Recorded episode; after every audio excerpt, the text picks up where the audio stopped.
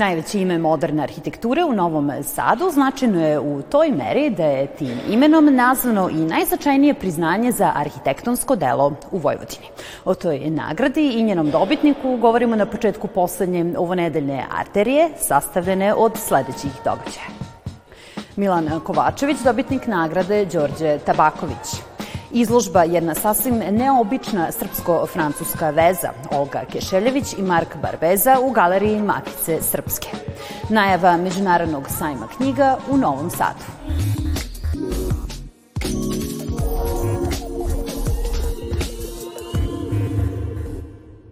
Najviše priznanje Društva arhitekata Novog Sada za izuzetan doprinos u oblasti arhitekture po 27. put uručena je Milanu Kovačeviću. Tim povodom naš današnji gost je kustos Muzeja savremene umetnosti Vojvodine, Vladimir Mitrović. Dobrodošli. Stambena arhitektura je najviše u fokusu Kovačevićevog profesionalnog interesovanja. U čemu se ogleda njegov iskorak od uobičajenih normi? Najveći deo produkcije Kovačevićeve i njegovog biroa su stambene zgrade. E, nažalost, poslednjih 20 godina nemamo baš e, kao grad e, mnogo uspele stambene arhitekture. Tako da je, čini mi se, veći za nagradu i odlučilo baš zbog toga, zato što se Kovačevićeva arhitektura ipak malo malo se ističe. Dakle, a direktan odgovor na vaše pitanje je možda to što e, njegovi osnovi stanova i stanovi su jako dobro koncipirani. I to je bila, to je bila neke, neka vrsta ključa uspeha kada se govori o unutrašnjosti. A kada se govori o spoljašnjosti, on je ipak uneo jednu, jednu artificiranu notu u, u svoj izraz, e, koristi nove materijale, E, ubeđuje investitore da treba više da obraćaju pažnju na izgled i kvalitet svojih zgrada, tako da mislim da je on možda u poslednjih 20 godina verovatno najveći iskorak on sa birom napravio u stambenoj arhitekturi Novog Sada. Da li biste rekli da je stalna želja za inovacijom koja odlikuje njegov autorski tim preduslov za moderniju arhitekturu? Njegov biro je uradio preko 250 izvođenih projekata za nešto više od 20 godina. Dakle, ta hiperprodukcija je morala da dovede do neke vrste zasićenja, međutim oni očigledno koriste, e, koriste neke sisteme i razgovore da stalno naprave neke inovacije. Dakle, e, svaka zgrada je kao neka vrsta ličnosti za sebe, svaka ima i svoj neki personality, tako da i to je jedan od to je jedan od razloga njegovog uspeha. Postoje li sličnosti između Kovačevićevog i Tabakovićevog stila kada je u pitanju arhitektura? Znate, razlika je tu uh, u samoj arhitekturi uh, negde oko 80 godina i teško je naći neke paralele. Ali i Tabaković se isto bavio stambenom arhitekturom i to u značajnoj meri i čini mi se da je ta neka vrsta nekog minimalizma koji je Tabaković koristio, koji je odlika i savremene i međuratne arhitekture, čini mi se da je to uticalo malo na, na Kovačevića, pa čak i neki objekti koji su pravljeni blizu Tabakovića zgrada, on je pokušao da napravi neki neki dogovor sa tim zgradama, tako da čini mi se da je u tome uspeo.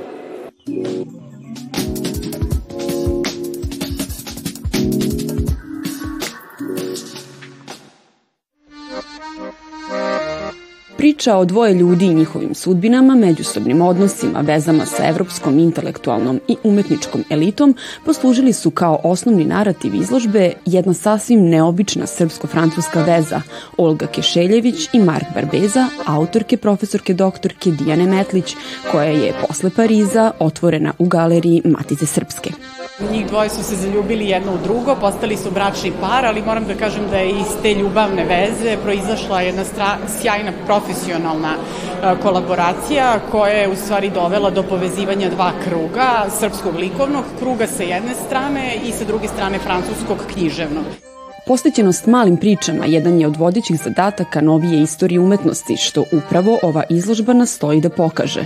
Postavka se drži 95 eksponata, među kojima su najzastupljeniji radovi umetnice i bliske prijateljice Olge Kešeljević, Ljubice Cuce Sokić. Ovo je jedna intimna ili intimistička izložba koja govori u prilog značaja prijateljstva koje je ostvareno između Olge Kešeljević Marka Barbeza sa jedne strane i naravno Cuce Sokić sa druge.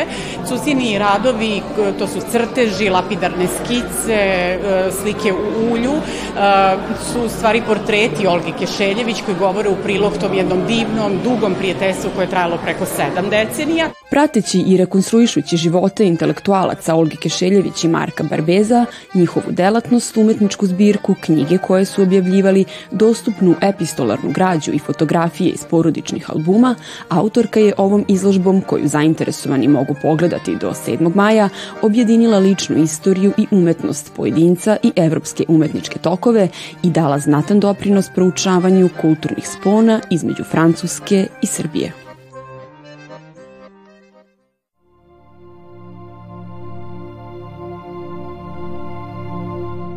Ljubav Rajka Mamuzića prema slikarstvu javila se pri susretu sa šiitskim umetnikom Savom Šumanovićem, a s obzirom na to da nije bio nadaren za tu vrstu umetnosti, svoje afinitete ispoljio je u fotografiji. On je sakupljao slikarstvo i crteže i, i, i vaj, vajarske radove i grafike, ali je sam pravio fotografije i te fotografije izlagao i zalagao se da se u Vojvodini, gde su postojale po većim gradovima fotokino sekcije, da se napravi jedna, jedan savez fotografskih umetnika Bogata umetnička kolekcija Galerije likovne umetnosti poklon zbirke Rajka Mamuzića sadrži radove 35 umetnika, a kako je uvek imao sluha za mlade stvaraoce i danas galerija primenjuje istu praksu, te je pred novosađanima otvorena izložba Poetika vremena autobiografija porodice Jelene Kovačević Vorgučin. Osnova je fotografija prikazana u različitim medijima. Autobiografija porodice zapravo jeste vrlo jedna lična priča koja da kažem, se slaže već godinama, ovaj, uopšte nije nastala preko noći i nekako je pratila moj život i životne okolnosti. Snažni lični porodični odnosi, trenuci, pojmovi i simboli, ali i dokumentovane fotografije utkane su u postavku koja na dirljiv način upoznaje posmatrača i vodi ga hronološki kroz život jedne porodice koja sa sobom nosi i radosti i patnju. Osim dokumentovanih fotografija, zatim onih rađenih u specijalnoj tehnici kolodijum, posebno mesto zauzima fotoinstalacija, odnosno skulptura od komada ogledala koja projektuje porodičnu fotografiju. Želim da potenciram da e, su i sećanja krhka, da fotografija samo možda delimično pomaže da ih e, sačuvamo, u, u sebi i unutar porodice, ali da svakako su važni ti međuljudski odnosi unutar porodice i da oni zapravo grade i čine uh, istoriju uh, jedne porodice. Postavka je otvorena do 21. marta, a dan kasnije u susret novom godišnjem dobu u istom prostoru možete pogledati izložbu Proleće u galeriji koja će činiti radove umetnika iz fonda Poklon zbirke.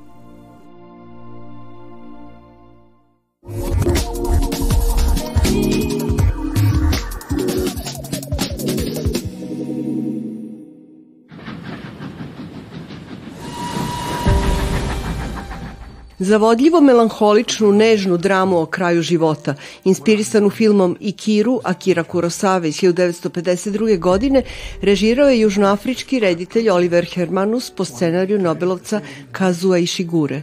Neodoljivo jednostavnosti ovog filma dominantno je doprinao glavni glumac Bill Nye u ulozi gospodina Williamsa, pasivnog ali diktatorski nastrojenog državnog službenika, koji za 30 godina nikada nije izostao sa posla ni jedan dan, a čiji je nadimak gospodin Zombi.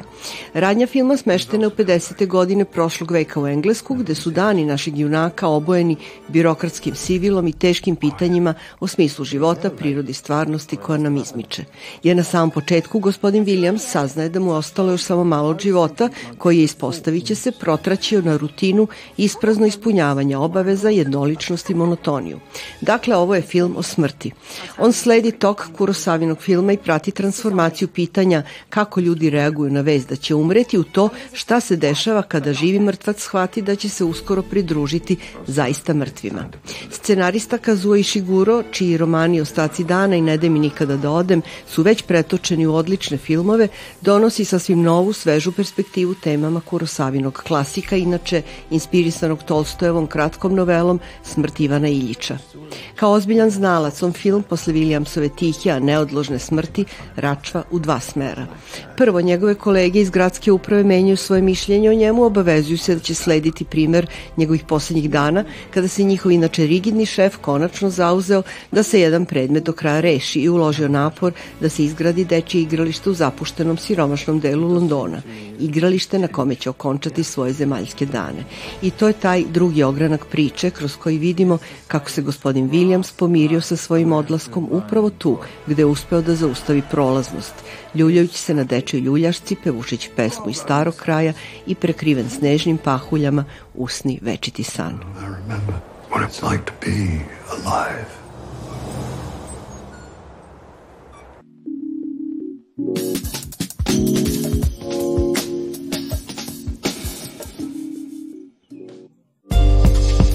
Prema rečima organizatora, pred posetiocima su najveći sajam knjiga izložba umetnosti Art Expo i sajam obrazovanja u poslednjih 10 godina.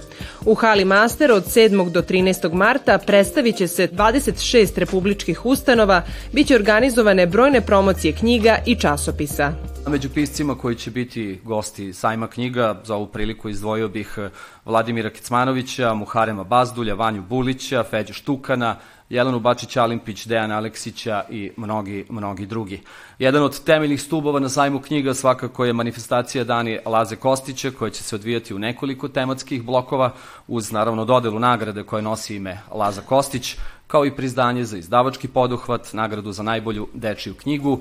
U užem izboru za nagradu Laza Kostić našli su se zbirka priča Gutači vatre, autobiografski roman Vidno polje, kao i romani Šamar i Dečak sa fanara. Novosadski sajam je za sve događaje imao veliku pomoć i podršku državnih i pokrajinskih institucija kulture i obrazovanja, ali i grada Novog Sada, koji je izdvojio milion dinara da bi se 13 novosadskih srednjih škola predstavilo na ovogodišnjem sajmu. U okviru festivala Nedelja promene odigrana je monodrama Major i Helena Alekse Jovčića u dramatizaciji Divne Stojanov, čije premijera je bila krajem decembra.